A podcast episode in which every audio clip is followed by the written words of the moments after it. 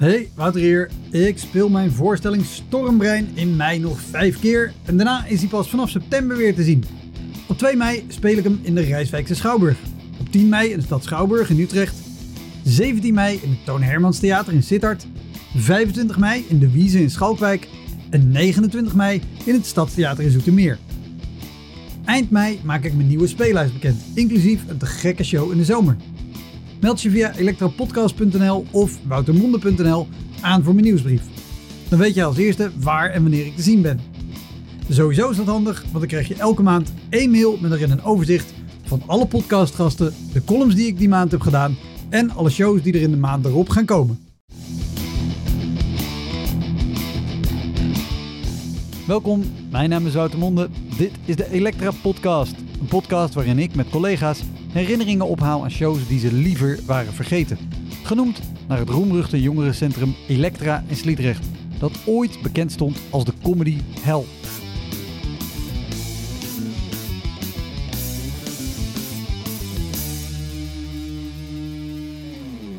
Mijn gast is dit keer cabaretière Lisa Loep. ik heb het zo vaak gehad in het verleden dat dan mensen koffie bij mij gingen bestellen in de backstage of zo. Dat ik dacht, ja, maar ik werk hier niet.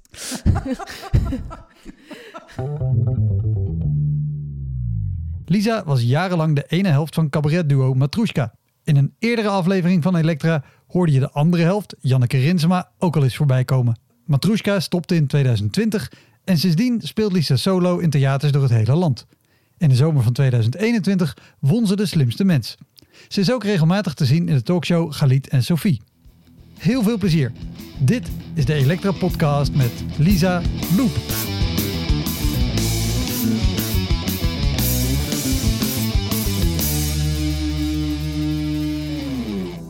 Maar we deden net een soundcheck en toen zei je al... oh, ik ga allemaal gênante dingen vertellen over mensen die kotsen... en Ja. bejaarden die er doorheen trommelen. Ja. Ik weet niet of we dan gelijk al het grootste verhaal te pakken hebben... Nee, maar bejaarden zeker die er doorheen trommelen. Nee, eigenlijk was het andersom. Maar we stonden in een bejaardentehuis op een gegeven moment. eh, met try-outs voor ons tweede programma. En dat was dus heel leuk bedacht. Want ze hadden zowel een bejaardentehuis... maar midden in de, ja, wat was het, de serre hadden ze dus een theaterzaal gebouwd. En daarvan dachten ze, oh, wat goed als we hier techno-cabaret... met harde beats gaan programmeren. Dat is heel fijn. eh, Ja, Want, en- want, want, even, je zegt nu heel kort techno Ja. cabaret eh, met harde beats, maar, maar, Ja. maar, maar leg het even uit wat jullie Oké. Deden, of dat mensen een beetje een beeld hebben. Oh ja. Eh, nou, eh, wij waren het cabaretduo Matrushka, Janneke Rinsema en ik. En ehm, wij hadden een, ja, dus bedacht dat we techno-cabaret gingen maken. Dus eh, niet de standaard piano- of gitaarbegeleiding... maar harde elektronische beats bij onze liedjes. En eh, dus wij noemden het techno-cabaret. We waren het beste en tevens enige techno-cabaret ter wereld. Ehm, en ja, als je begint in de theaterwereld... dan ga je natuurlijk eerst naar de kleine plekken. Dan ga je naar de culturele centra, de kleine zaaltjes. En er zijn gewoon heel veel theaters in Nederland. Maar dus ook van die leuke initiatieven van... oh, we hebben een verzorgingstehuis. Laten we dan daar een theater in maken... want dan komen mensen uit de buurt naar het verzorgingstehuis. Aha. Ja. en... eh, Nou ja, dus wij waren daar. Het was ook echt een week van. Het was onze tweede voorstelling. En het was een week met, ik geloof, zeven try-outs. En dit was op de zondag, dus het zevende optreden van die week. Is al pittig. Is eh. al pittig. Het was ergens in Overijssel of Drenthe ook. Dus niet echt naast Amsterdam waar ik dan woon. Dus alles was al best wel gewoon... We waren een beetje moe en het was nou, ver rijden en een hele drukke periode. En nou ja, dan kom je dus aan in... En, en, en, en, en tot, tot dat punt, hoe, hoe waren de zes try-outs daarvoor gegaan? Ja, heel goed. Maar dat was ook niet in een bejaardentehuis. Dat was gewoon in Theater Pepijn. Of, Nee, eh, maar, maar, eh, maar, je maar, je gaat er op zich met, met Ja. goede zin. met een goed gevoel naartoe. Ja. En het was allemaal richting de première toen van die tweede voorstelling. Dus we waren al best wel aan het einde van het maakproces. En het was echt inspelen. En eh, wij komen eraan. En het, ja, het was gewoon echt een verzorgingstehuis waar be- bedden door de gang werden gereden. En we mochten ook mee eten. Ehm, maar ik weet niet of jij vaak in bejaardentehuizen of verzorgingstehuizen eet. Oh, nee. En, en alleen het idee al is iets... eh, Nee, Ja. nee, het maakt me niet uit wat je me voert. Maar eh, Nou, het maakt ook niet uit wat ze neerzetten, want het smaakte allemaal naar niks. Het was gewoon allemaal, het was dan kipschnitzel of zo, maar het was echt gewoon karton. Ja, want die mensen die moeten natuurlijk zonder kruiden en zonder toevoegingen eten of zo, denk ik. ja, En toen werden we naar de kleedkamer geluid. En ik, ik, ik ben al vooral bang. eh, maar goed, ik, ik heb de last van misofonie. Dus dat betekent, ik kan Oh, heel ja. slecht tegen allerlei menselijke geluiden. Eh, tot op het punt dat ik zelf ook denk, gast, stel je niet zo aan. Maar goed, dat is een heel ander verhaal. Maar dat is wel met allemaal bejaarden samen eten. Dat is voor mij echt de hel. maar heb je ook misofonie bij je, misofonie bij je eigen eetgeluiden? Nee, dat niet. Oh, dat maar niet. voor de rest bij de rest van de wereld Oh ja. wel. Ik kan het ook wel bij mezelf hebben dat ik denk, gadver, hoe klink ik nou? Oh Ja. nee, nee, dat, dat er gelukkig niet. Nou, dat is dan een soort beta-versie, denk ik, ervan. Maar, maar eh, ja, vertel verder. Oh, ja. Want jullie waren daar, Nou, jullie dus hadden meegegeten, smaakte er niks. Nee. En ehm, toen werden we naar de kleedkamer geleid. Maar dat was dus gewoon een bejaarde woning van iemand. Die misschien net heen was gegaan. Was, ja. Plek had gemaakt. En het was ook en maar heel chill, weet je wel. Je kon je gewoon vasthouden tijdens plassen en zo. En van die relingen. En ehm, er stond ook zo'n bed. En er waren ook geen spiegels. Want ja, waarom heb je een spiegel nodig als je je moet opmaken voor een optreden? Nou ja, anyway. En eh, ja, toen kwamen we in die hal aan en gingen we soundchecken. En het gekke was dus dat het echt een soort state-of-the-art theater was. Wat ze ervan hadden gemaakt. Met, ja, dat zijn van die lampen die dan eh, rond kunnen draaien. En ja. allemaal flitsen, laserbeams en weet ik veel wat. En rookeffecten. Dus iemand had gewoon van de gemeente daar heel veel geld tegen aangesmeten. Maar ja, het was dus in de, in de hal, in de serre zeg maar, van het gebouw. Dus al die woningen zaten er omheen. En dan, ja, dus had je het gangenstelsel met die voordeuren. En in het midden daarvan was dat podium. Maar dat, wacht even, want dit is gewoon een, het, het is niet een afgesloten zaal met daaromheen woningen. Nee, het was de, gewoon de, de hal. Dus het, als je binnenkomt in een flatgebouw, zeg maar, dan heb je een soort centrale hal. En dan al die voordeuren. Nou, zo moet je het voor je zien. Oh, wat Dus het was helemaal open. Waarschijnlijk met het idee dat dan de mensen ook vanaf de, de balkons zeg maar, konden kijken naar beneden. En dat het allemaal heel erg geïntegreerd was met elkaar. Ja, het, het, het was ongetwijfeld een hele mooie overtuigende PowerPoint, maar het klinkt nou, verschrikkelijk. ik denk ook dat degene die ons geboekt heeft niet helemaal door had wat we deden. En misschien ons impresariaat ook niet helemaal door had wat voor locatie dit was. dus wij beginnen met soundchecken. En er komt op een gegeven moment... En we hebben dus die techno beats. Dus daar zit gewoon een bas en een drum, weet je wel. Dat is gewoon... tss, tss, dat is een beetje het idee ervan. Ehm, sorry voor deze beatbox-imitatie. Het was erg, eh, erg overtuigend. Ehm, en op een gegeven moment komt er zo'n vrouw naar buiten. Wie slaat er zo hard op die trommel? Mag die trommel uit? Mag die trommel uit? Dus die had kennelijk het idee dat we met een soort van trommelband daar stonden of zo. Maar ja, dus en toen nog meerdere mensen, meerdere bewoners die het echt te hard vonden. Wat ik snap. En het is altijd dan zo'n soort moeilijk ding tussen ga je nou trouw zijn aan jezelf of ga je je aanpassen aan de plek dan? Want ja, het was voor ons natuurlijk gewoon een try-out vlak voor de première. En wij ja. konden het goed gebruiken om hem te doen zoals hij was. Maar we hadden ook een nummer dat heette Neem die pil. En dat ging over de pil van Drion. En ik dacht op het moment van spelen wel... Goh, misschien moeten we even door. Misschien moeten we dit even niet doen. Waarbij mensen een soort van dood wensten in dat lied. Dus ehm, ja. Oh, en, en, en hoeveel, hoeveel mensen zaten er als, als bezoekers bij? ja, dus er was zeg. Ik denk dat er iets van 150 mensen in de, Oké. in de hal zaten uiteindelijk. En dat het iets van de helft was bewoner en de helft was bezoeker. Maar er zaten ook weer kinderen. Dus dat is dan ook alweer interessant. Dat sommige mensen dan gewoon met hun jonge kinderen komen. Alleen ik vind altijd als ze dat doen, ja... Het is jouw verantwoordelijkheid als Ja, ouder zijnde. Maar dan, ja, dan was het best grof soms. En dan keken ze toch wel moeilijk. En dan denk ik, ja, ik vond het altijd wel interessant, laat ik het zo zeggen. Ja, ja, ja. Nou ja, ik, ik, vind het, ik, ik heb zelf altijd als mensen kinderen meenemen, dat ik denk, ja, je weet zelf waar je heen gaat Ja. en waar je ze mee naartoe neemt. En, en mijn ervaring is dat vaak de mensen eromheen meer last ervan hebben, omdat die zich heel erg generen van, hoe, Ja, wat vinden die kinderen ervan? Terwijl ik, ik weet bijvoorbeeld, mijn dochter, die, nou, die, die is nu acht, maar die vindt eh, taaldingen heel leuk en grapjes heel leuk. Die zou ik nu nog niet meenemen naar een voorstelling. Maar ik weet dat ik die over twee, drie jaar kan ik die meenemen naar een voorstelling. Maar ik weet dat de rest van de zaal denkt, ja, oh, maar, maar ook sowieso, dat schoot net ook door mijn hoofd. De helft van die mensen was dus uit dat verzorgingshuis. ja. Daar heb je dus ook al eerder mee zitten eten.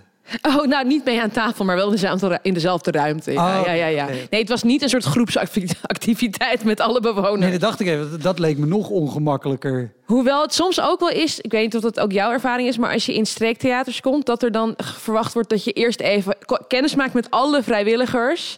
Tot aan degene die de parkeerplaats harkt, weet ik veel. en dat je dan met z'n allen gaat eten, uitgebreid. En dat ze ook dan hebben bedacht, ik bedoel, als wij in het theater aankomen, nu dan, nu ik solo ben, heb ik wel twee muzikanten mee en een technicus natuurlijk. Dus ik ben niet helemaal in mijn eentje. Ehm, maar dan als wij gaan eten, dan hebben we altijd magnetronmaaltijd. Dan gaan we om zes uur eten en daarna een soort van in de focus. Maar die mensen dan om half zeven willen ze eten en dan heel uitgebreid. En dan, ja, het is gewoon natuurlijk dat, dat het een verschil van inzicht is, omdat zij niet weten hoe zo'n avond werkt. Nou ja, en, en vaak ook voor hun is het, is het één avond in de Ja. week of misschien de tweede of de derde, maar de andere keer is een, een ander gezelschap. Die hebben niet zo, ja, dit is avond vier, vijf op Ja. een rij en dit is gewoon mijn werk. Ja, en, en heel, ik vind zelf dus op het podium staan niet spannend of zo. Maar ik vind, vind dus dan met mensen die ik niet ken eten, dat vind ik dus heel erg spannend altijd. En een beetje ongemakkelijk. En dan, ja, dus Wat, dat... wat, wat is het ongemakkelijkste etentje wat je, wat je wel eens hebt gehad vooraf? Nou, die met de bejaarden thuis, dat scoort wel vrij hoog. Maar even denken. Nou ja, eh, soms dat je dan met z'n allen gaat eten en dat niemand iets zegt. Dat je ook denkt van wat is nu de meerwaarde van dat we met z'n allen aan tafel zitten. Ehm, nou, wat echt wel een heel gênant moment was, dat was ook nog met Matrushka. Maar dat was niet met het eten, maar wel tijdens het eten. Dat wij in eh, Tilburg speelden en wij stonden in de kleine zaal. En Henny Vrienden stond in de grote zaal. Ja. En toen kwam die eh, programmeur binnen in de artiestenfoyer. En die ging heel uitgebreid met Henny Vriend te praten. En echt, oh nou, ja, je was mijn held toen ik jong was. En eh, die kwam nog net niet klaar, geloof ik, toen ze daar stond. En ja, oh, wie- ik weet niet wie er in de kleine zaal staan. Ja, oh, maar dat is niks. Ging ze helemaal zo over ons, dat ze een soort roast over ons doen. Terwijl wij er gewoon in diezelfde ruimte zaten. Holy shit. Ja, en nou, dat is helemaal niet goed verkocht ook, de kleine zaal. Ja, en ook helemaal geen gedag zeggen tegen ons en zo. Dus ehm, ja. En jullie hebben niet... Nou, nee dat, nee, dat vond ik dan ook awkward om te doen. Maar het Ja, is wel, ja. Hoe, sorry, dit, is niet per se voor de podcast, maar hoe reageerde die vriend erop? Maar die wist natuurlijk ook niet... Hij wist ook niet dat wij dat Nee, nee, nee. waren. Nee, nee, nee, nee, nee. Dus eh, Oh jezus, wat slecht ook van, Maar ik heb- programmeur. zo vaak gehad in het verleden dat dan mensen koffie bij mij gingen bestellen in de backstage of zo. Dat ik dacht, ja, maar ik werk hier niet. Ja, of, of ook, maar ik word ook heel vaak voor hostessen aangezien, gewoon in het wild. Dus ik weet niet wat dat is, maar werkt u hier? Zeggen mensen heel vaak tegen me. Maar ik van nee, nee, sorry, ik werk hier niet. Dus dan denk ik dat ik eindelijk weer eens herkend word van de slimste mensen. En dan vraagt iemand waar liggen de, weet ik veel, waar ligt de tandpasta? Ja, pijnlijk. Je zei net ook al, we gaan gewoon lekker tussen dingen heen en weer Ja, ja, het is ook met mij altijd dat ik van de hak op de tak ga hoor. Dus, Helemaal prima, geen, geen enkel probleem. Dat is hoe mijn hoofd werkt, dus dat is alleen maar fijn. Eh, wat je zei, jullie waren gestopt drie maanden voor de coronacrisis uitbrak. Eh, daarvoor natuurlijk gewoon allemaal goede plekken. Maar je zei ook al, dus sindsdien ook al wel rare dingen gedaan. ja, ja, ja. Wat, eh, vertel. Nou, kijk, ik ging dus solo vanuit Matrushka. Matrushka was binnen de cabaretwereld wel... eh, We, was zeg maar, we waren geen Jentel de Boer of zo, maar wel... We speelden gewoon Ja. 80 keer per jaar, eh, grote zalen vaak. Mensen kenden ons wel. En dan ga je dus solo en dan ben je ineens Lisa Loep. Ja, die blonde van Matrushka. Maar dan denken toch veel programmeurs... Nou, eerst maar zien, dan kijken, geloven. ja. ja. Ehm, en dat brengt je dus ook weer op allemaal hele aparte plekken. Dus ik ging solo en toen eh, was het het eerste coronajaar, zeg maar, toen ik begon, dus september 2020. Ja. En toen begon ik in de grote zaal van Beverwijk. Dus dat was fantastisch. Dat was mijn allereerste solo optreden. En ja, dat was gewoon echt een soort van dat ik dacht: wow, dit is fantastisch. Maar toen stond ik een paar dagen later in de mes in Naarden. Ja. En ik dacht gewoon go big or go home. Dus ik heb een heel groot decor. Ik heb kostuumwissels. Ik heb twee muzikanten met twintig synthesizers mee. Ik heb een enorm lichtplan. Ik dacht gewoon, ik ga nu alles wat ik altijd al wilde doen, ga ik doen in deze voorstelling. En ehm, dat had ik overigens wel een beetje zo bedacht voor corona uitbrak. En ook qua begroting is het niet helemaal eh, rondgekomen uiteindelijk. Nee. Maar, ehm, maar goed, dus, en toen stonden we in de mes in Naarden. En op de een of andere manier kon dus een deel van het decor daar nog wel staan. En ja, het was gewoon een heel kleine zaal met eh, mensen aan tafeltjes. En, ehm, ik weet niet, volgens mij hadden een soort afspraak gemaakt van we gaan niet lachen of zo. Dus ik kom het podium op en ik zie alleen maar doodsbange mensen zo naar me kijken. En gewoon, ik weet niet wat het was. Ja, ik bedoel, misschien lag het lag waarschijnlijk aan mij dat het gewoon in de tijd van Beverwijk naar de mes heel erg niet grappig was geworden of zo. Want in Beverwijk ging het dak eraf en toen stond. Ja, en ook misschien de setting dat je zo dichtbij staat. En ik kon natuurlijk wel uitpakken dan dat het een soort overweldigend is.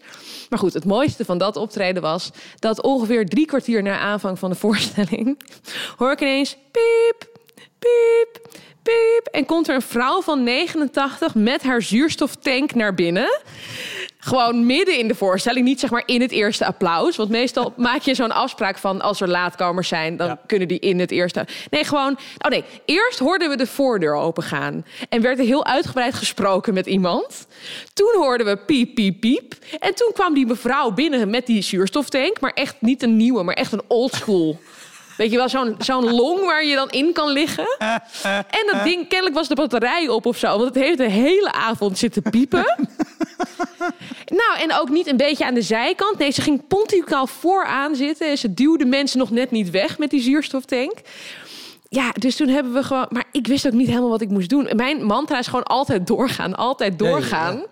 Maar ja, op een gegeven moment moet je toch ook... als de hele zaal zit te kijken... wel onderkennen dat er iemand met een fucking zuurstoftank binnen is ja. gekomen. Ja, dus toen heb ik wel geloof ik haar hele, heel hartelijk welkom eh, gegeten of zo. En een applaus laten geven door de zaal. En toen kwam het wel ietsje losser. Maar ehm, ja, en achteraf kreeg ik dus ook de vraag... Oh, was dat je oma? Ik zo, nee, dat was niet mijn oma. Ja, want hoezo komt ze dan zo laat binnen met de zuurstoftank? Ik zeg, ja schat, ik weet het ook niet. Maar dat is wel... Zelf inplant. Ja, van nee, oh, maar oma wil altijd later komen. Die vindt het eerste deel niet leuk. Dus, die, ja, dus dat was wel echt eh, apart.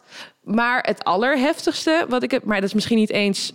Ja, wat gewoon heel heftig was. Ik stond dus voor de lockdown... eh, twee maanden geleden in Hoofddorp... in het Oude Raadhuis. Ja. En het begon er al mee dat er naast het gebouw was een enorme partytent met een of ander feest van de gemeente. Dus wij stonden op het podium en die hoorden zo celebrate good times. Gewoon de hele tijd allemaal van die kutnummers tussendoor. dus daar begon het al mee. En het tweede was dat het... Dus ik ging daar wel de hele tijd grappen over maken. En weet ik veel, proberen er overheen te gaan. Of nog even een stukje van een liedje mee te zingen. Want het is... Iedereen in de zaal hoort het. Dus je, Ja, je, je, je kan, je kan er wat leuks van maken Ja. en er leuk mee omgaan, maar het is wel gewoon storend. Het is gewoon heel storend. En je staat niet op Lowlands, zeg maar, waar... Het, is, het lijkt wel op elkaar, het Oude Raadhuis en Lowlands, maar het is het toch niet. Nee, maar het is natuurlijk niet een festival waar mensen snappen dat ze omgevingsgeluid horen. Het is gewoon een oud theatertje waar je Ja. voor een voorstelling komt.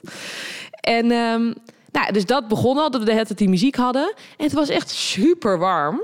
En ik ben, ik zweet gewoon best wel snel. Dus ik had mijn zender losgezweten. Dus op een gegeven moment, en ik heb dus de afspraak met mijn technicus dat als er iets is met het geluid, Ja, dat die- wat je bedoelt, het microfoon. ja, microfoon. wat sorry, ja. Dus mijn microfoon, mijn headset, die was. eh, nee, het was niet los. Er zat een, ik had een sweat-out. Dus dat betekent dat er dan vocht in je zender is eh, gekomen. En dan gaat die storen en dan doet hij het niet meer. Oh, in je microfoon. Ja, ja, ja. Ik kan supergoed zweten. Ook bij zweten wil ik ook een 10. Dus is gelukt. Maar, ehm, en ik heb de afspraak met mijn technicus dat hij het gewoon altijd zegt als er iets is met het geluid. Want ik wil niet dat ik dan soort van denk, doet hij het nog, doet hij het niet? En dan een half uur eh, zonder versterking staat te Ja. spelen. Dus hij riep, hey Lisa, ja, je hebt een sweat-out. Nou, ik dacht, ik weet niet wat een sweat-out is. Dus ik deed mijn jurk aan de achterkant open. En ik wilde mijn zenderkastje... Dus ik stond er half naakt op het podium. Ik wilde mijn zenderkastje pakken. Zegt hij, nee, nee, nee, het is gewoon je headset. Denk ik ook, nou, dat had je ook tien minuten geleden... voordat ik, na, voordat ik een soort van Chippendale show hier... Goed, mensen, toch waar voor hun ook al geld. vaker gezien. Die dacht, nou, dit is wat anders. Dit is leuk, precies. maar ja, ik zeg ook vaak, ik wil graag improviseren. dus hij denkt dat hij kennelijk dingen uit de zaal kan roepen. Ehm, nou goed, en toen bleek het mijn headset te zijn. Nou, eh, toen hebben we het even zo schoongemaakt. En ik natuurlijk allemaal grappen maken van... nou mensen, dit is wel behind the scenes. En eh, zo zie je maar, de slimste mens weet ook niet al. Weet ik veel, allemaal heel slechte grappen. nou, en dus we gaan door. En op een gegeven moment roept hij weer... Lisa! denk ik, god, wat is het nou weer? Doet hij het weer niet? En toen riep iemand anders, ja, ze is ook heel erg aan het zweten. Ik dacht zo, ja, sorry, ja, ik ben heel erg aan het zweten. Maar daar hoeven we toch de voorstelling niet voor stil te leggen? ja. maar Wat denk je als je in het publiek zit om dat hardop te roepen. Maar het ging je- dus niet over mij, dat was het hele punt. Oh, Oké. Dus toen ging het zaallicht aan en toen zag ik een mevrouw. Ja, ik zal het even uitbeelden voor de kijkers, maar navertellen. Zag ik zo een mevrouw zo op de achterste rij liggen. En die was dus onwel geworden. En die was dus heel erg aan het zweten, want het was heel erg warm. Ah. Maar toen riep iemand anders, ze heeft een hartstilstand. Ze heeft een hartstilstand. Dus allemaal paniek in die zaal. Ja. Nou, en mensen er zo echt ook hard slaan in haar gezicht van word wakker. Ook niet een beetje zo, maar gewoon echt keihard slaan. Ja, en toen was het breng water. Nee, breng geen water. Nee, breng toch wel water. Nou, en toen is zeg maar het publiek de zaal uitgemaand. En wij gingen maar in de kleedkamer zitten. Want we dachten ook, ja, wat fuck. Sorry, ik denk vooral, wat voor EHBO-cursus heb je gehad? dat je bij een hartstilstand iemand in zijn gezicht Ja. Nou, en ook vooral terwijl je nog niet weet wat er aan de hand is, heel hard. Ze heeft een hartstilstand roept. ja. Ja, dat weet het ook niet.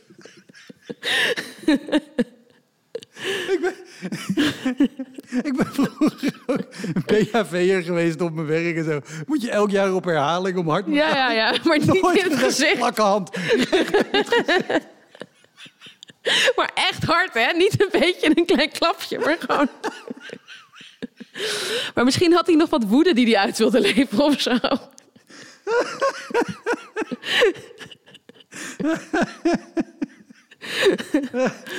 Nou ja, ja, Ik vind het zo'n grappig beeld. ja, nou ja, het was, Dat ik voor me dat de ambulance komt en gewoon een vuist. En dat zou komen, ja, heeft u al geprobeerd te slaan van de ambulance? En ook nog niet, dan gaan wij eerst. Nee, maar ehm, Oké, dus iedereen ja, de dus iedereen de zaal uit. Op een gegeven moment kwam de ambulance. Nou, en toen was ze gelukkig bij. Dus ze had geen hartstilstand. Ze had, het was gewoon ja, te warm, denk ik. En Ja. eh, het was inderdaad erg warm. Op, ondertussen hoorde ik nog steeds... Celebrate good time. Dan weet ik veel of... eh, I'm sexy and I know it. Ik weet niet in welk genre ze inmiddels zaten in de partytent. Nou ja, goed. Toen werd die mevrouw dus afgevoerd. En toen kwam iedereen weer terug de zaal in. En inmiddels was er echt een half uur voorbij gegaan. Ik dacht ook van nou... Hoe ga ik in godsnaam verder? Dus toen, toen heb ik Ja. het gewoon opengegooid. Zei ik, hey, wat, wat zullen we doen? Eh, zal ik nog een paar liedjes zingen? Of zullen we met z'n allen gaan zuipen? Of willen jullie toch de rest nog zien? Nou, iedereen wilde toch de rest van de voorstelling nog zien. Dus toen... ehm, en toen ging ook iemand zeggen, het lag niet aan jou hoor. Toen dacht ik, nee, dat zou er nog bij moeten komen... dat die vrouw doodgaat door mij. Eh, omdat ze natuurlijk zo gechoqueerd was... dat ik naakt op het podium stond een paar minuten daarvoor. Nee, nou ja, goed, toen heb ik het toch nog wel afgemaakt. En toen had ik wel een enorme dosis goodwill van die mensen Ja, natuurlijk. ja, dat wel. Maar het was nog steeds met die muziek en dit wat, zeg maar, de shock van die vrouw. Het was niet mijn meest geconcentreerde optreden ooit. Nee, kan ik, kan Dat, ik me ehm, ja, dus dat was wel heel, heel heftig. En qua, qua coronashows, wat, wat is het, het kleinste aantal mensen... of in totaal, of het, of het kleinste aantal mensen... ten opzichte van de zaal waar je in stond Oh ja. gespeeld? Nou, de grap is dat ik, of de grap, in het eerste coronajaar was ik dus net die blonde van Matrushka, die eigenlijk niemand kende. Dus toen, eh, het begon met dan op anderhalve meter, maar al vrij snel werd het 30 per zaal. Maar ik stond dan bijvoorbeeld in het, het Werftheater in Utrecht. Dus dan, eh, maar dan eh, had ik twee keer op een avond 30 man, maar het was niet gelukt om twee keer op een avond 30 man te krijgen. Dus hadden ze er één keer op een avond 30 man van gemaakt. Dus ja, ik was toen zo on- onbekend, zeg maar, dat ik niet eens 30 man in de zaal kon Ja, ja, krijgen. ja. Ehm, Ik- had in het Oude Raadhuis, daar mochten er eh, met anderhalve meter eh, eh, 27 in. oh ja. En ik had er 26. Dus, Oh. ik, dus ik was bijna uitverkocht. Kijk, kijk. en nu in het nieuwe seizoen heb ik, ja, het is echt bizar, maar al mijn voorstellingen zijn gewoon de hele tijd uitverkocht. Ja, lekker toch? Ja, heel leuk, maar ten opzichte van vorig jaar is het zo'n groot verschil. eh, ja, in beleving ook voor mij natuurlijk. Dus de eerste was in Diemen en toen was het nog dat je op 80% of zo mocht. Dus toen, volgens mij passen er daar 160 in en hadden we 120. Maar daarna heb ik dus alleen maar in uitverkochte zalen gewoon gestaan.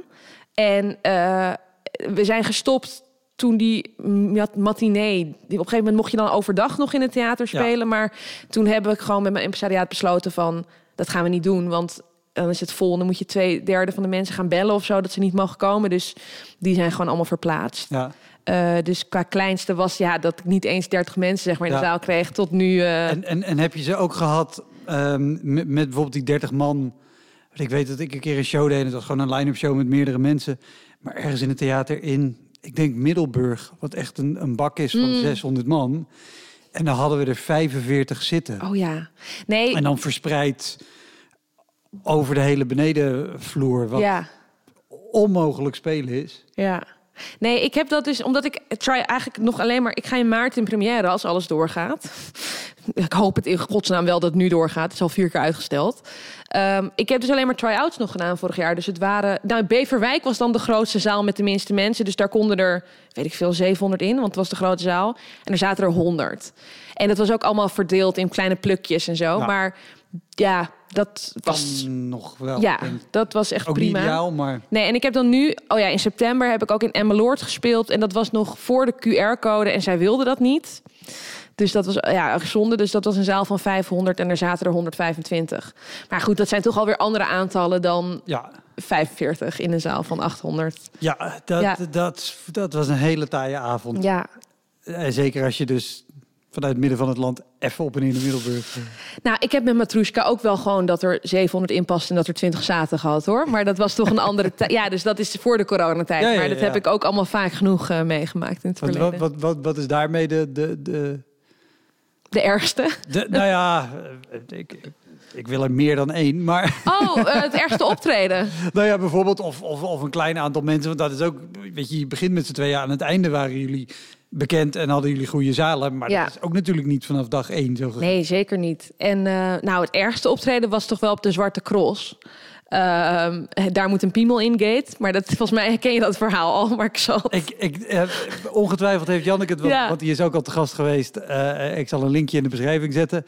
Die heeft het ongetwijfeld verteld, maar ik hoor zoveel verhalen en ik moet er Ja. heel hard om lachen. Maar ik vergeet ze ook altijd weer, dus ik hoor het altijd met alle plezier nog een keer. Nou, we waren dus met Matrushka zeg maar twee jaar bezig of zo. En ehm, onze tactiek was om eerst zoveel mogelijk op festivals te spelen. En ehm, eigenlijk bestaande plekken, dus niet een theatertour te gaan boeken zelf. Want we hadden geen impresariaat, maar gewoon ja, waar er eigenlijk al plekken waren om daar te gaan spelen. Ja. Dus Stukafest hebben we veel gedaan en allerlei festivals. Eh, voordat we met een cabaretfestival mee gingen doen. Want we wilden eerst die vlieguren maken. Nou, en zo kwamen we ook op de Zwarte Cross terecht. En daar hebben ze dus een grote theaterzaal. Maar ze hebben ook een theatertipi. Ja, zo- Zo'n zo'n indianentent. Ja, waar dan een paar van die bierbanken staan. En er passen 50 mensen in of zo. Nou, en in die tijd hadden we een act over twee Russische internetbruiden. Dus eh, we hadden allebei een trouwjurk aan. En we moesten best wel ver lopen van de kleed... Nou, ik wil zeggen kleedkamer, maar de dictie... waar je tevens je on kon kleden en bier kon krijgen. Eh, moesten we dus over het festivalterrein lopen van die dictie, zeg maar, naar die tent. En al terwijl we er naartoe liepen... Eh, w- Wacht, eh, ga, ga ik je heel even onderbreken. Want, Ja. want eh, je, je noemt Zwarte Cross en ik ken de Zwarte Cross. Maar, en, en de Zwarte Cross is ook al vaker voorbij gekomen in deze podcast. Maar mocht je toch denken, wat is de Zwarte Cross? Het is een heel tof festival. Eh, maar wel, het is in de Achterhoek. Het is met autocross. Ja. Het is met veel eh, eh, bands, velo rock. En het is vooral ook met heel veel mannen en met heel veel bier. Dan omschrijf ik het denk ik redelijk accuraat, toch? Ja, en zeg maar, als je op Lowland speelt, zit iedereen aan de pillen. Dus dan is het een soort liefdevolle sfeer. Maar als je op de Zwarte Cross, sorry, op de Zwarte Cross zit iedereen inderdaad aan het bier. En daar krijg je een heel ander soort sfeer van. Losgeslagen, baldadig, ehm schofterig misschien ook wel. Dus wij liepen vanaf die Dixie naar de tent, tipi. En ehm, er vormde zich al zo'n sliert mannen terwijl we daar naartoe liepen. Die daar moet een piemel in begonnen te scanderen. En wij liepen naar onze tent, heel braaf om op te treden. En al die mannen gingen in de tent zitten en bleven. Daar moet een piemel in scanderen. Terwijl wij begonnen met optreden. En op een gegeven moment kwamen ze ook op het podium staan en probeerden ze ons te zoenen en vast te grijpen en weet ik veel wat. Ja, Oké. maar gelukkig, ik weet niet, als je dan op het podium staat, heb je ook weer meer lef of zo, of meer scheid. Dus ja, wij, wij, we namen het mee in ons spel, laat ik het zo maar zeggen. En ehm, we waren dan die Russische internetbruiden en dan gingen we zeggen van, nou, maar dit, dit soort mannen hoeven we dan ook weer niet, weet je wel, Nee, in. Nederland. En eh, we hadden allemaal afzeikliedjes, dus dat kwam allemaal wel goed. Maar ja, het is echt best wel spannend en er greep ook niemand in of zo. Nee, want, want hadden jullie bijvoorbeeld, eh, wat, wat, hadden jullie een technicus mee? Ik neem aan Nee. een technicus in de zaal. Nee, er was dan gewoon zo'n. Het was gewoon twee microfoons neergezet en ga maar spelen. Ja, het was echt. Ik bedoel, het was niet eens een theater, het was een tent, hè? Ja, ja, ja, ik, ik ben er wel eens in geweest. Ja. Eh, Maar, dat- maar dat is wel ook onwijs intimiderend. Ja. Zeker als dit eh, acht jaar geleden was. Ja. Wat, hoe oud waren jullie toen ongeveer? 12 was ik toen. Nee, ehm, ja, 24 of zo, ja, ja. Ja. Dus, en dan, dan heb je gewoon allemaal grote potige dronken om je heen staan. Maar ik denk wel dat het, wat je voelt op zo'n moment is, je moet het winnen. Als je dus op, je, om nog iets van het optreden te kunnen maken, moet je die confrontatie gewoon winnen. En moet je gewoon nog grappiger zijn dan zij. Althans, ik weet niet hoe grappig ze waren, maar het, was, het zorgt wel voor enige hilariteit natuurlijk dat die man op het Creatiever podium... zijn is sowieso Nou, niet dat. zo ingewikkeld. Ja, dus ehm, en dat lukte wel. Dus dat was wel heel tof. Maar het was wel echt dat we eruit kwamen en echt dachten: wat de fuck is hier net gebeurd? En En, en hoe, hoe lang hebben jullie gespeeld? ja, een half uur. Dus, eh, maar dat is best lang als mensen de hele tijd daar moet een piemel in tussendoor zingen en je proberen te zoenen en foto's onder je rokje proberen te maken en zo. Jezus. Ja, het brengt wel echt het beste in de mens naar boven, zo'n eh, bierfestijn. Als, als ik het hoor, denk ik, hoe, hoe... Maar ik zou het nu ook niet meer doen. Ik zou nu gewoon weggaan. Ik zou echt denken, ja, fuck Ja, jullie. ja, en terecht. Ja. Maar toen toch in de onervarenheid en ook zo, oh, we mogen op Zwarte Cross staan. Hoe vet dat je dan toch maar doorgaat of zo. Ja, ik weet het niet. Ik, ik, ben, ik ben vooral no- nog, nog flabbergasted dat, dat mannen dus denken... oh, maar dit, dit doe ik. Ik ga Ja. met mijn mobiel even onder je Ja. een foto maken. Hoe? Nou, er zit wel echt veel bier in, denk ik. En ja, een bepaald soort... Het waren ook een beetje corporale gastjes ook wel, hoor. Het waren niet alleen maar van die truckers. Oké. Tukkers. Tukkers? Truckers? Allebei. Ja. Tukkers. Ja, de- Dus het, het was ook een bepaald... Er komen ook heel veel mensen uit de Randstad naar de Zwarte Cross, Ja. namelijk. Dus dat, die zijn ja toch... en, en die eh, kunnen net zo lomp zijn. Ter, Ja. ter verdediging van iedereen uit de Achterhoek. Maar, jezus. Ja, maar dan denk je wel, ik heb voor hetere vuren gestaan. Dat is natuurlijk wel mooi. En misschien ook, ik weet niet of mensen die zelf cabaret-ambities hebben of op het podium willen staan. Het helpt wel echt om dit soort dingen mee te maken. Want op een gegeven moment kun je gewoon met elke situatie wel omgaan. Omdat je letterlijk denkt, ik heb wel voor hetere vuren gestaan. Ehm wij hebben echt op straat opgetreden en eh, weet ik veel. Dus op de Zwarte Cross en in een bejaardentehuis. En Ja, ja, alles wel meegemaakt wat dat betreft. En ik denk wel dat dat heel goed is als je later dan grotere zalen gaat doen. Of in die zin, als mensen je dan kennen, dan krijg je gewoon toch echt een andere respons. Dat merk ik nu ook wel dan als je er echt nog voor moet vechten. Ja, Maar dat is wel heel goed om dat meegemaakt te hebben. ja, ja absoluut. Nou ja, ik, ik, ik heb zelf ook... Er kan nu heel weinig nog maar gebeuren... waar ik van, door, van mijn apropos raak. Ja, Want ik heb alle rare shit al meegemaakt. Mhm. Ja, kom maar. Hey, Wouter hier. Ik speel mijn voorstelling Stormbrein in mei nog vijf keer. En daarna is hij pas vanaf september weer te zien. Op 2 mei speel ik hem in de Rijswijkse Schouwburg. Op 10 mei in de stad Schouwburg in Utrecht. 17 mei in het Toon Hermans Theater in Sittard. 25 mei in de Wiese in Schalkwijk. En 29 mei in het Stadstheater in Zoetermeer. Eind mei maak ik mijn nieuwe speellijst bekend, inclusief een te gekke show in de zomer. Meld je via elektropodcast.nl of woutermonde.nl aan voor mijn nieuwsbrief. Dan weet je als eerste waar en wanneer ik te zien ben. Sowieso is dat handig, want dan krijg je elke maand één mail met erin een overzicht van alle podcastgasten, de columns die ik die maand heb gedaan en alle shows die er in de maand erop gaan komen. weet je plekken of shows te herinneren of dat je aankwam of tijdens een show dat je, nou misschien niet bewust, maar dat je wel denkt, nou oké, de Zwarte Kruis is gelukt, dan lukt dit ook wel. ja. Eh, nou, op Lowlands hebben we gestaan. Toen viel het hele licht- en geluidssysteem uit tijdens het eerste optreden dat we daar ooit deden. Ehm, en, ja, want het was een technicus, was over een kabel gestruikeld en die had het er helemaal uitgetrokken. Oh, wauw. Van, van- oké, ja, ik zeg net, ik ben niet snel meer verbaasd. Maar Ja. dat een technicus dit voor elkaar Ja, ja, ja. vind ik dan wel weer heel knap. nou ja, stagiaires moeten het ergens leren, denk ik dan. Hè? En dan eh, En, en, en maar, toen- ook, dan, dan sta je te spelen. Wa- Was dit in de, in de Juliette? De, de Nee, dit was in de, de Romeo destijds. En dat is nu dat Helga's House of Pain geworden. Maar of misschien is het nu Sexyland inmiddels. Ik weet Maar- niet. maar de dat- kleine in ieder ik ben geval. al heel lang niet meer op Lowlands Oh. geweest. Ja, dat is ook niet Lowlands. Dus je kan er ook niet heen, toch? Nee, nee, nee. Maar, Of was het dit jaar wel? Weet ik eigenlijk niet. Eh, nee, het zou, het zou zijn en is toen heel last minute Oh, ja. toch eh, afgelast. Eh, iets met een regering en geen... Oh, en iets met een virus of zo, toch? Iets met een virus Oh, ja. en, en geen enkel vermogen om, om iets verder vooruit te kijken dan, dan een week vooruit. Ja. Eh, Oké, nee, maar Nee, maar de, de, de, de, de, de kleinere tent is het dan. Ja, dat was de kleinere tent. Maar, maar dan nog, dan, dan sta je te spelen en alles valt uit. Wat Ja. de hel doe je dan? Eh, alle mensen in het publiek vragen of ze hun telefoon willen pakken en bij willen schijnen. Oh, ja, ja, ja. Oh, Dus dat was eigenlijk toch wel heel vet. En toen ging alles weer aan. Alleen toen bleek de keyboard van de ene speler een halve toon lager te staan dan van de ander. Dus toen hebben we in twee verschillende toonsoorten door elkaar het lied gezongen. Ja, ik zou geen audio-opname hiervan terugluisteren. Dat klinkt eh, hels. Ja.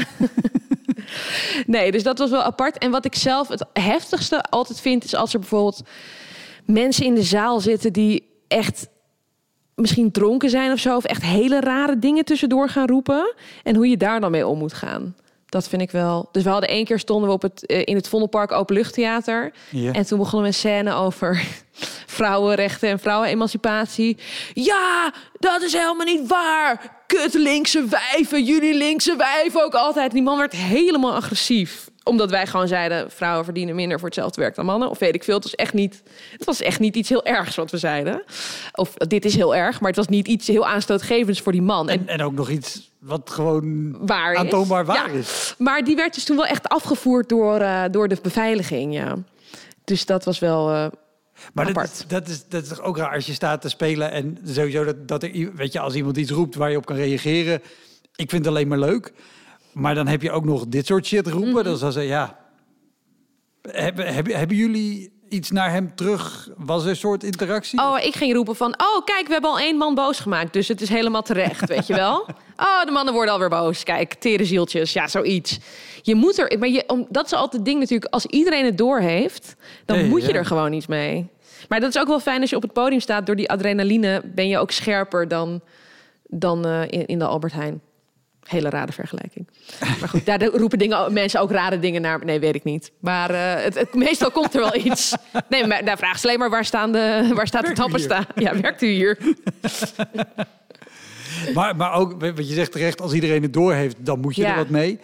Maar in dit geval heeft dus ook iedereen door dat er gewoon iemand door de beveiliging wordt afgevoerd. Ik was er niet bij, maar ik kan het zo uittekenen dat niemand meer oplet wat jullie aan het doen Ja. Maar iedereen aan het kijken is, waar gaat die kerel heen? Ja. Wat gebeurt er met die vent? Nou, dat hebben we ook collectief gedaan. En toen heb ik applaus voor, die, voor de beveiliging gevraagd. maar dat is dus ook een ding. Als je het dan goed op weet te lossen... bij alles wat er misgaat tussen aanhalingstekens... het is ook even een moment dat het echt wordt. Kijk, Ja. als iemand onwel wordt, is het natuurlijk echt heel naar. Maar als bijvoorbeeld de muziek uitvalt... Of, dan zien mensen ook wel dat het echt in het moment is... en hoe je het dan oplost... Ja, ja, ja. getuigt ook wel van een zekere virtuositeit... als dat dan lukt. Ja, ja, nou ja, zeker voor, weet je, op, op Lowlands met, met mobieltjes bijlichten. Eh, ik heb het ook wel eens meegemaakt met Roel Zevenburg. Eh, en die speelt natuurlijk heel veel eh, liedjes ook, eh, een comedian. En we speelden in een comedycafé en daar viel de geluidstafel gewoon Oh weg. ja. Dus hij kon niks meer. Maar ja, een elektrische gitaar maakt ook onversterkt nog wel geluid. Mhm. En hij kon nog wel zingen. Dus iedereen was gewoon heel erg stil. En hij heeft het laatste nummer gewoon onversterkt Wow. gedaan. Maar iedereen moest heel intens luisteren. Maar dat geeft wel zo'n band binnen het publiek... dat iedereen inderdaad, wat je zegt... ja, dit is, dit is nu, dit gebeurt anders nooit. Ja. Want dit is veel te onpraktisch om dit elke avond Ja. te anseneren. ja. En, en daardoor was dat echt te gek dat dan Ja. gebeurt. Nou, en in mijn nieuwe voorstelling speel ik wel een beetje met wat is echt en wat is nep. En dan, niet om het te veel weg te geven, maar op een gegeven moment krijg ik een soort van... Het gaat over mijn angststoornis namelijk, mijn nieuwe voorstelling. En ik krijg een soort paniekaanval midden in een ding. En dan is het een beetje van, ja, is dit nou echt of is dit nou niet echt? Maar dat maakt het ook wel ingewikkelder als dus bijvoorbeeld... Nick gaat roepen, hey, eh, je zender is... Ja. Oh, sorry, mijn technicus dan gaat roepen. Want mensen snappen dan niet of het erbij hoort of niet. Omdat ik wel vaker speel met, hoort dit er nou ja. bij of niet? Eh, dus dan zeg ik ook meteen, dit hoort er niet bij. Nee, echt niet. Ik zie jullie wel zo kijken, dit hoort er niet bij. Dit is heel slecht namelijk. Maar, ehm, dus dat is wel interessant. En ik vind het ook wel leuk om met die vorm een beetje te fucken... van hoort het er nou wel of niet bij. Ja. Maar, maar het is wel een gevaarlijk, want je hebt de try-outs al gedaan. Want 9 van de 10 keer als er iets gebeurt wat er niet bij hoort... en ook al zeg je, mensen, dit hoort er Ja. echt niet bij. Geloof me nou, het hoort er echt niet bij. Dat mensen denken, jawel, Ja. dit hoort er ook bij. Daarom zeg je dat het... ja, ja, ja. Nee, en ik heb ook een stuk erin van dat ik bang ben dat ik een hartaanval krijg op het podium. En dat dan ik dood neerval, maar dat mensen gaan lachen omdat ze denken dat het erbij hoort. En dat ik als een soort Tommy Cooper van Nederland dan. eh, Dus het zit er overal in verweven dat het allemaal wel er echt bij zou kunnen horen. Ja, oké. Maar goed, die Maar- vrouw had ik niet ingehuurd om eh, even Nee, nee, van een stokje te gaan. Nee, maar, nee, maar, dat, maar dat bedoel ik. Weet je, dat soort voorvallen, die, die zal je dan misschien ook vaker hebben gehad. Ja, Anders dan met je zender. Of, of misschien alleen die. Dat mensen wel denken, oh, dit is het. Nou, wat het allerraarste was, was dat er op een gegeven moment, maar dat was nog met Matrushka, dat er een vrouw met een emmer in de zaal zat. Dat was het kotsverhaal, zeg maar. En die was echt dood en doodziek, maar die wilde per se naar onze try-out in Pepijn komen. Dus die zat op rij 1 en zat gewoon een emmer bij zich voor als ze dan moest overgeven tijdens de voorstelling. Maar... eh, Oké. En die voorstelling heet ook Eeuwig Vlees en ging heel uitgebreid over allerlei geslachte dieren. en de bio-industrie weet ik veel wat. Oh, eh, oké. En, en is deze vrouw ook daadwerkelijk over de nek gegaan? Ja. Maar toen was ze wel even naar buiten gelopen, gelukkig. Nou, wij hadden het niet echt door, maar je zou er maar naast zitten. Dat je dan de hele tijd een vrouw zo met zo'n emmer zo onder de mond. Want Pepijn is een heel leuk theater, maar het is ook een heel klein Ja. theater. Het zijn 96 stoelen uit mijn hoofd. Het is gewoon een, een van, van, wat is het, 13 bij 5. Ja, Als daar iemand over zijn nek gaat, dat ruik je wel. en dan ruik je de avond erna bij de volgende artiest ook nog. Ja. Maar ze wilde heel graag komen kijken. Maar hoe, hoe is dat als je aan het spelen bent en er zit iemand gewoon met een emmer op schoot klaar om te kotsen? Ja. Dat ben je toch alleen maar... Nee, ja, juist maar niet er naar kijken. Ik, moet er, ik kan niet zo goed tegen mensen die kotsen. Dus ik heb gewoon de hele tijd de andere kant op gekeken. Ja, heel bizar. Maar je maakt nog eens wat mee. Zo hadden we ook een keer in het Zaantheater een, een, een blinde man met zijn eh, blinde geleidehond. En er was gezegd van nee, maar die hond is echt super chill. En die doet echt niks en die is het gewend om naar het theater te gaan. Maar hij zat op rij 1, precies in het midden. Nou, wij komen op. Wat gebeurt er? Die hond begint te blaffen. Die begint rond te lopen. Die wil over het podium gaan lopen. Weet ik veel wat. dat ik ook denk, niet hard bedoeld, maar aangezien die meneer blind is, hoeft hij niet per se op rij 1 te zitten, pontificaal het midden. Nee, Dan kan je hem ook in de- een beetje aan de zijkant met zijn hond. Maakt voor hem niet uit, zou je zeggen. Maar ja. En dat is, het vervelende is dat je dus dat dan op het moment zelf te horen krijgt. Dus het is niet dat je een mailtje krijgt van tevoren... oh trouwens, er zit ook een blinde geleidehond in de zaal. Het is gewoon, je staat in de coulissen en je ziet ineens een hond binnenkomen. Dat je denkt, wat fuck? maar dat is echt gewoon een paar minuten voor Ja. aanvang. Ja, En, en, en, en, en, en toen, dat die hond die zit daar, die, die slaat aan. ja, nou gewoon toch maar vragen... kunt u hem rustig krijgen, meneer? Ja, sorry, ja, je moet daar toch wat mee. Want het Ja, stoort ja, ook echt. Ja, natuurlijk moet je Ja. er wat mee, maar, maar hoe? Nou, en op een gegeven moment maar gewoon met die hond dan samen. Ja, tijdens een liedje. Ja, die hond een ei geven. Ja, ik weet het ook niet. Applaus voor de hond vragen. Vaak vraag ik applaus voor dingen die gebeuren, merk ik, als ik een verhaal vertel. Applaus voor de hond. Hey. Ja. Ja, ja, maar ja, het, het, het, ik vind het ook een logische reactie. Want eh, applaus voor dat soort dingen is altijd zo, oké, Ja. nu, nu weten we het allemaal. Iedereen weet dat ik het ook weet. Ja. En we geven nu applaus en dan is het afgesloten en dan kunnen we door. Ja, maar vooral dat iedereen echt ging zeggen... ja, die hond komt echt elke week naar het theater... en hij doet nooit wat, hij is stil en hij blijft gewoon zitten. En echt, du moment dat wij opkomen, begint het beest te blaffen. Dat je echt denkt, wat, ligt het nou aan mij? Nou ja, kennelijk. Ja, terwijl nou, ik heb ook wel vaker blinde mensen met blinde geleidehonden in de zaal gehad. En dat zijn, want, want die honden zijn ontzettend goed opgeleid. Ja. Ik heb er nog nooit eentje gehad die afgegaan is. Ik denk misschien die muziek met die beats... dat dat dan net even te heftig is voor zijn hond. Dat het een soort schrikreactie is of zo. Misschien dacht hij dat het een trommel was. Kijk, ja, kan die trommel uit. Maar ook kan die trommel uit. Ik bedoel, het is niet dat hij aanstaat, mevrouw. Maar goed, misschien zit ze niet voor niets in een verzorgingstehuis. Dat, eh, Nee, nee, dat is nou juist. En misschien vergat ze ook steeds dat ze het al gevraagd had. Dat ze daarom terugkwam. oh. Nou ja, en eigenlijk qua optredens... Ik vind dit allemaal echt wel prima. Nou ja, los van het kotsen of zo. Maar het kutste vind ik als je bijvoorbeeld een bedrijfssnabbel doet... en dat het gewoon echt als een tang op een varken slaat... wat je daar staat te doen. Maar ik weet niet of jij die ervaring ook hebt. Maar... Nee, nooit gehad. Oh, Oké. maar dat ze dan. Maar dit is ook. Ik moet zeggen dat de verhalen wel veel uit de Matrushka-tijd zijn. Omdat ik nu door corona gewoon. Ik had dan vorig jaar zes keer gespeeld met mijn voorstelling en nu acht keer. En toen ging het weer dicht. Dus ik heb nog niet. Nou ja, gewoon Ik heb wel iemand heel- bijna doodgemaakt in de tijd dat ik zelf speelde met die vrouw, flauwgevallen vrouw. Oh, maar jee, voor de, je kijkt heel verschrikt. Nee, ik Ja, heb niet. wat? Ja, ik heb gewoon een paar mensen doodgemaakt. Nee, maar dus in die zin zijn de verhalen wel meer van Matrushka, omdat het ja, een langere periode was. En ik ben nu ook bekender. Dus als ik nu voor een snabbel gevraagd word, dan weten mensen echt wel wat ze krijgen. Eh, maar met Matrushka waren we voor, ja, het was in de Deventer Schouwburg. En waar was het nou voor? Ja, het was volgens mij voor een transportbedrijf. Dus ze hadden mensen van de, gewoon de logistiek dan. Maar ze Ja. hadden ook de chauffeurs in de zaal zitten. En kwamen wij met een of ander links geëngageerd politiek statement voorstelling. Met allerlei. Nou, die, die, die mannen hebben echt de hele avond chagrijnig met hun armen over elkaar zitten kijken. En er was er geen één die, die bedacht, ik weet hier de oplossing voor. Hier moet een piemel in. Ja, nee, nee, echt zonde. Ja, je hebt helemaal gelijk. Nee, maar dat vind ik echt wel de moeilijkste optredens. Dat je gewoon merkt, oeh, er is geen klik tussen mij en wat het publiek. En Nee, en, en, en deden jullie gewoon jullie hele voorstelling? ja, voor- want voor- dat was geboekt. Ze wilden gewoon een exclusief de voorstelling. Dus gewoon anderhalf, Anderhalf uur. uur. Jezus. Ja, en ik had ook allemaal een lied over met depressie erin. Nou, die mannen dachten, depressie, depressie. Wat zit jij nou te zeiken? Gewoon één keer in de twee maanden even je banden testen. Precies, ja. Hoppakee. ja. Nee, dat, maar dat vind ik wel echt, dat is echt zwaar als dat gebeurt. Maar anderhalf uur voor gewoon uitkoop voor een bedrijf. Maar dat ik ook dacht, ja, die mannen willen hier helemaal niet zitten. Ik wil hier helemaal niet staan. Voor wie doen we dit nu? Nee, maar, dat vind ik altijd zo zonde dat soort dingen. Dat je denkt, ja, maar als jullie nou het geld wat jullie hier Ja. aan uit hadden gegeven... gewoon had, had dan, weet je, die mensen gebeld van, van naast het raadhuis... gewoon een partytent, Precies. harde muziek, tap erin, topavond. Ja. Iedereen blij. Ja, ik snapte die ook niet, nee. En wat, wat, wat, wat zijn andere rampen bedrijfsgigs die jullie gedaan hebben? Nou, dat was geen bedrijfsgigs, maar dat was op de Margriet Winterfair. Dat is wel echt het allerbotste wat ik ooit heb meegemaakt. dat is dus zoiets, Margriet Winterfair, dan word je gebeld. Ja, er is geen geld, maar het is zo Ik hoop goed zo voor dat je. dit verhaal gaat eindigen in een groep vrouwen die scandeert... daar moet een geurkaart in. Nee, helaas niet. Hadden ze dat maar gedaan. Nee, dus we stonden op de Margriet Winterfair. Ook voor de tweede keer al. Echt dat je denkt... Eh, en, en sorry, wat ik onder, onderbrak je in een zin. Maar was, Oh, ja. was dit met de reden, het is goed voor je exposure? Ja, ja, ja, ja, ja, ja, ja, ja, ja, ja, ja, ja. Oh my god. Echt. Ik heb zoveel exposure al in mijn leven gehad, maar 0 euro, laat ik het zo zeggen.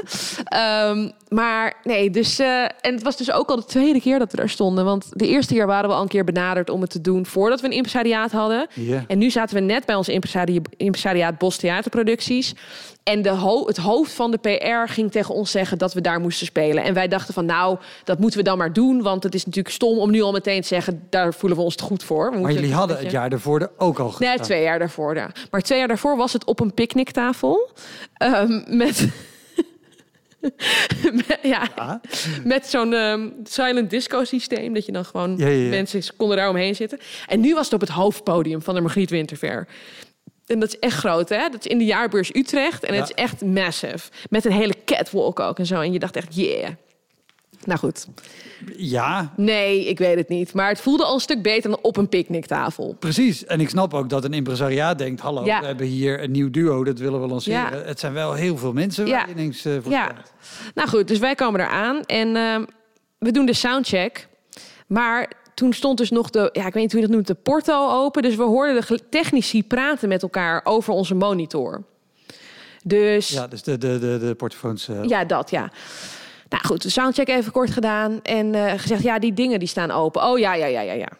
Nou goed, en wij komen op om ons optreden te doen en er beginnen mensen voor het podium te staan.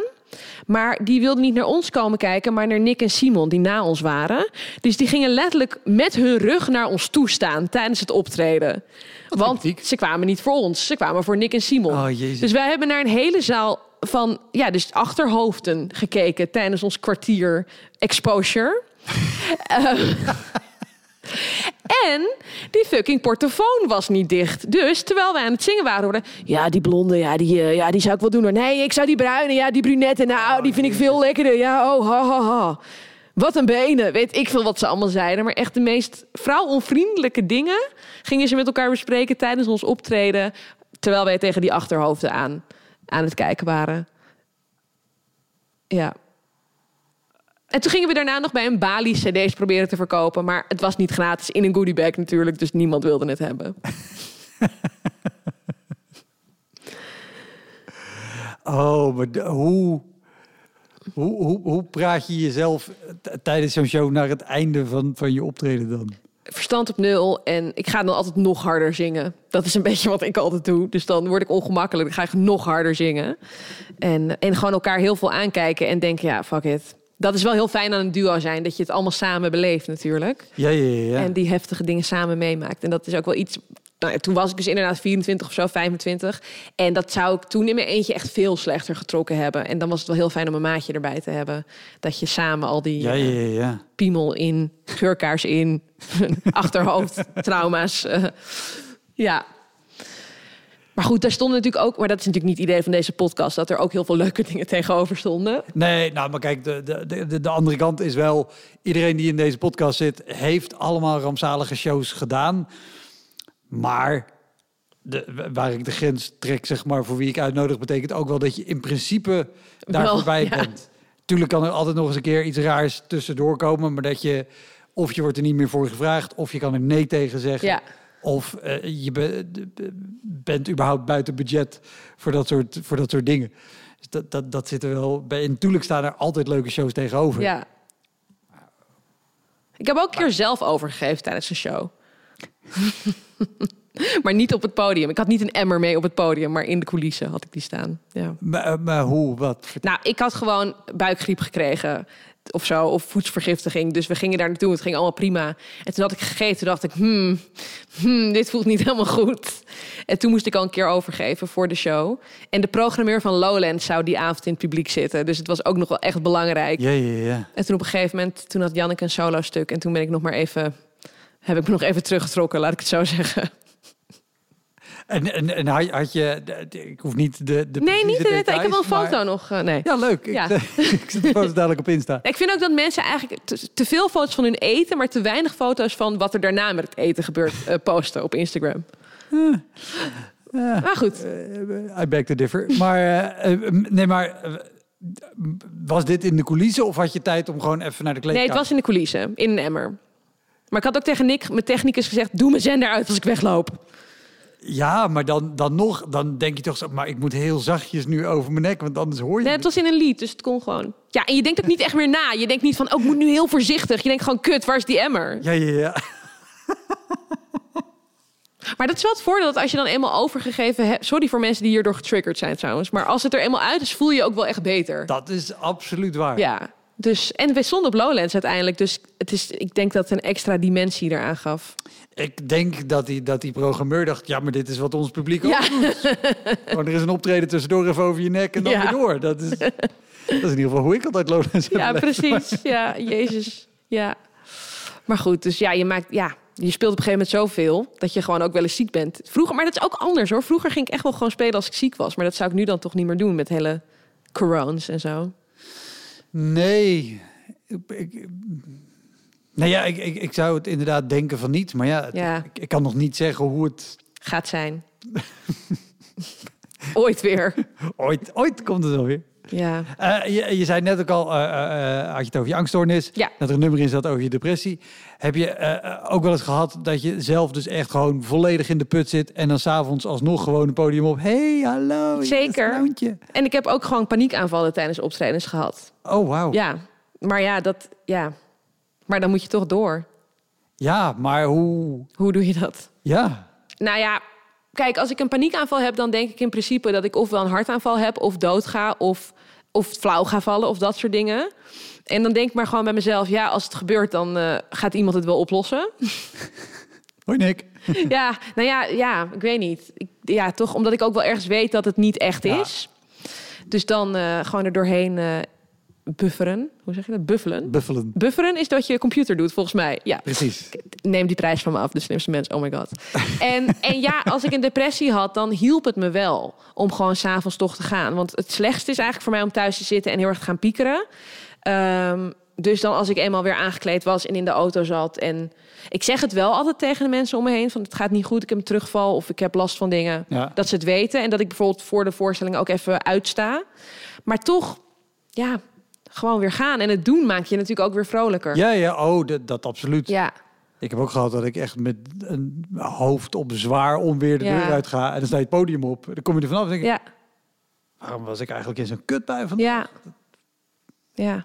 En het is ook gewoon je werk uiteindelijk. Dus in die zin, ja, kan ik het ook een beetje naar de knop omzetten, wil ik niet zeggen, want zo simpel is het niet. Maar zit het ook zo in, in, ingelijfd of zo? Je bent het zo Ja. gewend om te doen, dat je het ook wel kan als je je minder goed voelt. Ja, Maar ja, maar ja, het, blijft, het blijft lastig om, om wel gewoon de concentratie op te brengen. Zeker. vol overgave. Ja, maar het is ook iets waar ik nu al jaren mee, zeg maar, omga en mee leef. Ja. Dus ik heb daar ook wel... Ik heb medicatie, mensen. Love it. en, eh, en ik heb therapie en ik heb ook mijn mental coach gehad en zo. Dus in die zin heb ik ook wel veel aan gewerkt om Ja. daarmee om te kunnen gaan. Dus, ehm, dus dat is wel een proces geweest, laat ik het zo zeggen. Mhm. Maar ik heb nog nooit afgezegd omdat ik een depressie had. Terwijl ik wel heb afgezegd omdat ik last van mijn maag had. Terwijl dat kan ook prima tegelijkertijd, ben ik achtergekomen. Gewoon een emmertje in de coulissen. Emmertje in de en, coulissen eh, en gaan. hopla. Ja.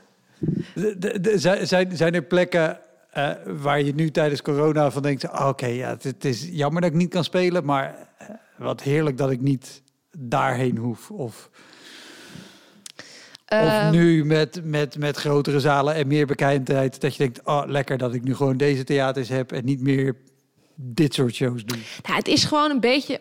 Komt ook door wat ik doe nu. Dus het is een hypermuzikaal cabaret-spektakel. Ehm, maar dat past niet meer overal. Gewoon qua decor en wat het wil uitstralen. Dus ik zou niet met deze voorstelling in Pepijn kunnen staan, bijvoorbeeld. Hoewel ik dat wel een heel leuk theater vind. Ja, en ik heb toch wel... Ja, sorry, werftheater. Maar ik vind het gewoon echt heftig dat je op een emmer moet. Het natuurlijk... Oh, wacht, die emmer staat natuurlijk klaar voor als ik moet overgeven. Ik snap het. Nee, maar het is gewoon toch wel heftig daar dat je dan gewoon... Ja, Ja, ja hij, hij is, eh, de, het Werftheater is, is vaste gast in deze podcast. ja, Eh, de kleedkamer zit achter het podium. Maar het is in een werfkelder in Utrecht. Ja. Dus daar kan je niet zomaar muurtjes doorbreken. Dus er zit geen toilet in de kleedkamer. Maar er staat wel een grote emmer met een laag bleekmiddel onderin. En heel veel enge mannequins zijn er door het hele pand. Dat je je echt doodschrikt. Dat je denkt, er zit er iemand piano te spelen en dan is het een pop. Maar een hele enge pop. Het, het zijn hele enge poppen. En ik, ik heb hem eh, volgens mij... Want ik deed zelf een try-out van mijn nieuwe show... Nou ja, vorig jaar in die, in die 30 personen periode ook. Oh, dat, dat zal je ook gezien hebben. Toen hadden ze alle stoelen waar je niet mocht zitten... Met maskertjes. hadden ze van die witte maskertjes. Ja. Die waren super freaky ook. Ja. Maar, maar net ook een maatje te klein. Alsof je gewoon eh, 60 overleden kinderen in de zaal had. Jezus, Het nou, zag, zo had ik het niet bedacht. Maar ja. het, nee, maar het zag er echt heel eng, Ja. eng uit. Nee, dus het sorry, ja, dat is echt een plek waarvan ik hoop dat ik daar toch niet echt vaak meer terugkom. Maar eh, het is gewoon echt een hele standaard try-out plek. Ook Claudia de Brij staat er nog en zo. Het is echt niet, het is niet een... Het, om, om te spelen en qua publiek vind Ja. ik altijd heel erg leuk. Ik heb Ja. altijd heel veel plezier. Ja.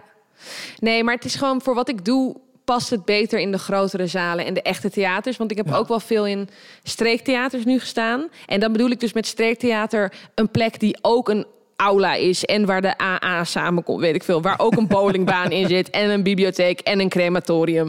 Weet je, dus dat soort zalen die eigenlijk niet echt geschikt zijn Ja. voor theater. Eh, omdat ik ook met een band ben en gewoon eh, ja, met alle dingen die ik zou- zelf wilde doen erin. Ja. Oftewel vijf kostuumwissels. Wat, wat is eh, nu of met Matrushka of in, in wat voor samenstelling dan ook... de meest ongeschikte plek voor theater waar je ooit hebt gespeeld? Dat was in Nieuwkoop, in het, ja, hoe heet het daar? Volgens mij is het gewoon het oude gemeentehuis. Maar die hadden geen licht en geen geluid. Fijn. Ja, dus toen had Nick, onze technicus, gewoon zijn eigen eh, geluidsinstallatie van zijn computer meegenomen. Zeg maar twee van die boxen van zijn computer. En toen ook gewoon met het zaallicht aan die hele voorstelling gedaan. Ja, dat... En toen hadden we ook nog, had hij nog ruzie gekregen met die mensen van... ja, je kan het niet versterken, maar de akoestiek is heel mooi voor akoestisch. Ja, maar wij hebben beats. We hebben versterkte muziek. Ja, ja, ja. ja, maar dan blaas je de pui eruit, want het is een heel oud gebouw. Ja, maar goed, uiteindelijk hebben we het dan toch gedaan. En zonder licht en met niks en computerboxen. Eh, maar dat was echt wel de minst geschikte plek, ja. Want zelfs bijvoorbeeld Wat Wij, de Theaterkerk... dat Ja. is een rare plek. En je staat er letterlijk op dode mensen. Want je speelt op de graven daar. Maar ja, ze hebben wel tenminste een paar lampen hangen... en een versterksysteem. Dus op zich kom je dan nog wel een Je kan nog wel iets inderdaad. Iets. Ja, ja, ja, ja. En, eh, en ik heb ook veel eigen licht mee, omdat het ook een beetje zo bedacht was van dan kunnen we in principe overal staan. Maar ja, als ze niet echt een stopcontact hebben waar je die lampen in kan doen, dan wordt het toch moeilijk. En ook in, is het Hulst? Nee, Hulst was, ja, in Hulst hebben we in een café gespeeld, dat je ook denkt, nou, misschien niet helemaal geschikt. Maar ehm, Nee, ik denk als er technisch echt niks kan, dan is het wel heel moeilijk. Ja. En zeker voor wat ik nu doe, is het. En ook qua oppervlakte toch? Want ik, ja, ik heb een vrij groot decor en een heel groot ego. Dus er moet wel gewoon genoeg ruimte zijn. En, en, en eh, wat ik wel benieuwd, dat café, was dat... Kijk, weet je, hebt cafés, Ja. die hebben gewoon een podium en hangt wat licht. Of je hebt Ja. muziekcafés, die hebben gewoon een prima podium. Ja, Maar je hebt ook cafés met een bar. daar in de hoek staan. Dat ja, dat was het. Ja. Er hadden wel twee lampen, geloof ik, hangen in de hoek, maar het was wel in de hoek. Ja, maar het was een soort huiskamersetting. Maar ik snap ook niet hoe we er daar. Oh, goed dat je dat zegt. Ja, Ja, want daar had je het eerder over. Daar dacht ik, oh, dat wil ik nog wel even vragen. Want jullie zei, eh, wat je zei, jullie begonnen de eerste twee jaar heel veel zelf geboekt, gewoon Ja. heel veel spelen, niet op de standaard cabaretplekken. En ook Stukenfest gedaan. Ja. Stukenfest, een heel tof festival. Gaat langs allerlei steden en dan eh, zijn er allerlei artiesten op een avond. Ook muziek, ook literatuur, weet ik wat. Maar allemaal in studentenkamer. ja, daar heeft, en ik, ik heb Stukenfest ook een paar keer gedaan en met heel veel plezier. Maar er heeft ook ongetwijfeld een studentenkamer tussen gezeten waarvan je dacht, oké, maar hoe dan? nou alleen maar eigenlijk. Dat het gewoon een, een kamer van vijf vierkante meter was. Dat er ook nog 30 man publiek ingepropt moest worden. Maar dat was echt het aller, allereerste wat we deden. Dus toen deden we nog die Russische internetbruiden act. En dan hadden we een accordeonist mee. Dus dan, ja, als je ons met z'n drieën ergens in de hoek kon proppen, dan lukte het wel. Ehm, maar daar vond ik het helemaal heftig als mensen niet gingen lachen. Want dan zit je echt zeg maar naast ze.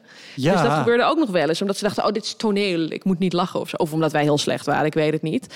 Maar dat is wel, ja... Nou ja, die studentenkamers, het was echt prima om in te beginnen. Maar het is niet voor wat, wat we deden en wat ik doe, is het niet zo geschikt, laat ik het zo zeggen. Oh, maar ook even, dan, dan sta je in een studentenkamer. Gewoon vijf bij vier. En er luisteren nu studenten die denken, holy fuck, waar is dat? En Ja. wat kost het? Want zo'n grote kamer wil ik ook. dan zitten 30 man en die lachen niet. En dan is de show voorbij. Ja, en dan blijf jij daar staan. En, dan blijf je, en, en die mensen die zijn niet allemaal in één keer door het smalle deurtje. Nee, nee. Nou, ik ging altijd gewoon dan op mijn telefoon kijken of zo. Hoor. Ik ben dan ook wel weer zo'n lul die dan zichzelf eh, afzondert. Nou, of we gingen wel eerst weg zelf. Dat deden we ook wel. Dan gingen we naar de kleedkamer, wat dan iemands kamer was. en we hadden ook in één zo'n eh, studentenhuis in Delft. De Heerlijkheid heette dat. En daar hingen dus ook allemaal slipjes aan de kandelaar en zo. Of aan de eh, kroonluchter en zo. En dan... Ja, dan voel je je wel welkom hoor. Oh, er was ook één studentenhuis waar ook een huismonnik woonde. Dus ze deelde dat met een monnik. En die vond het ook wel een beetje... Die zei ook niet zo hard op die trommel slaan, zeg maar. Een soort van, eh, mag die trommel uit? Huismonnik? Ja, die hadden een, een huismonnik. Die deelden het met een monnik.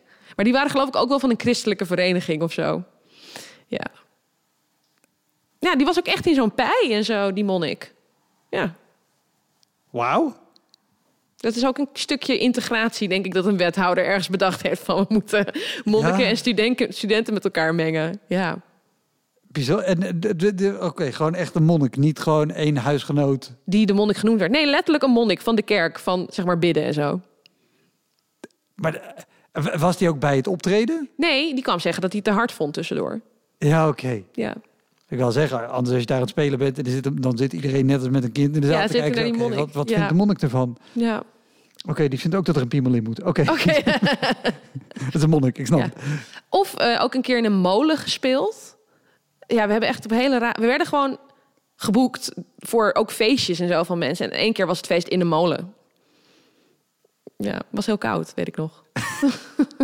Maar, maar gewoon feestjes, gewoon Ja, particuliere verjaardags- verjaardagsfeestjes. Ja, dat soort dingen. Oh, maar dat is toch de hel? En wij wilden gewoon zoveel mogelijk spelen. Dus het was een beetje van, we nemen alles aan in die begintijd.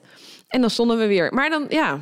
Maar op zich verdienen we dus best oké in die tijd. Want we bedachten gewoon zelf, we willen zoveel hebben. En we hadden geen impresariaat of geen enkel referentiekader.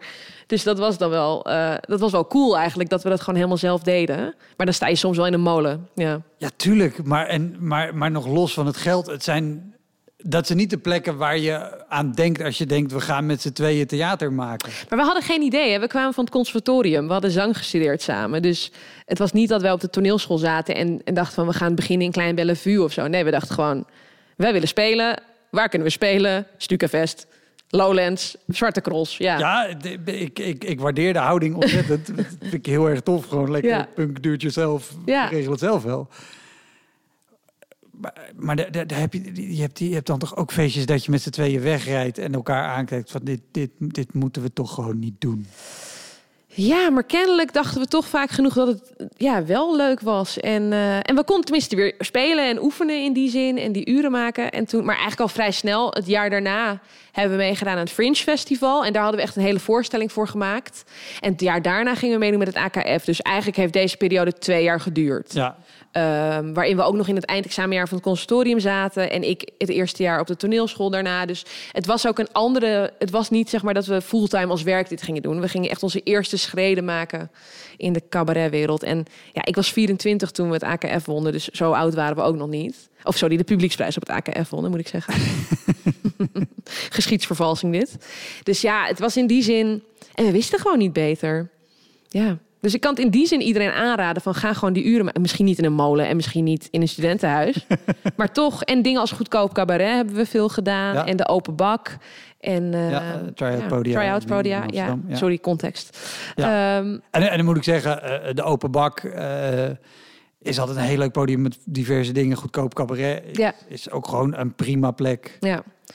Maar daar verdien je natuurlijk geen geld mee. En we moesten op een gegeven moment ook wel Ja. eh, de schoorsteen rokende houden. Precies. Maar inderdaad, goede tip voor mensen die beginnen.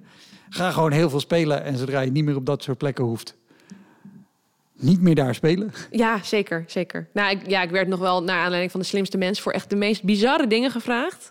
Kan Lisa komen optreden op onze verjaardag voor 20 man? Nee, dat kan Lisa helaas niet meer. Wauw. Maar echt ook, kan Lisa zangles komen geven aan mijn dochter? Nee, dat kan Lisa helaas ook niet. Dat je echt denkt, ja. Maar mensen hebben geen idee natuurlijk. Wat je dan wel en niet doet en hoe ver je al bent en dat ik al tien jaar bezig ben, weet je wel. Ja, eh, dat verbaast me soms wel.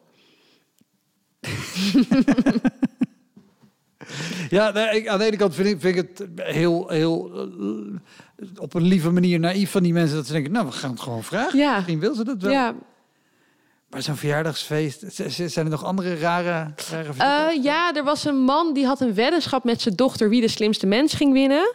En hij had op mij gestemd en hij had dan gewonnen. En of ik dan langs kon komen als we het gingen vieren dat hij gewonnen had. Het was niet vies bedoeld, had hij er nog bij gezegd. Dan is het zeker weten vies bedoeld. maar goed, ik heb hem gewoon een filmpje gestuurd om te feliciteren. Want dat gaat dan via mijn manager. En dan denken we ook, ja, prima, weet je, die mensen zijn gewoon lieve mensen. Ja. Hier is een filmpje. En nee, maar ik heb zeg maar en dat ik gevraagd word voor Expeditie Robinson en dat zoiets binnenkomt op één dag. Dus het is een beetje alles door elkaar op dit moment. maar goed. Top, Ja? dankjewel. Nee, heel graag gedaan. Ik hoop dat je genoeg rare verhalen hebt gehoord. Meer dan genoeg. Helemaal goed, dankjewel. Dankjewel.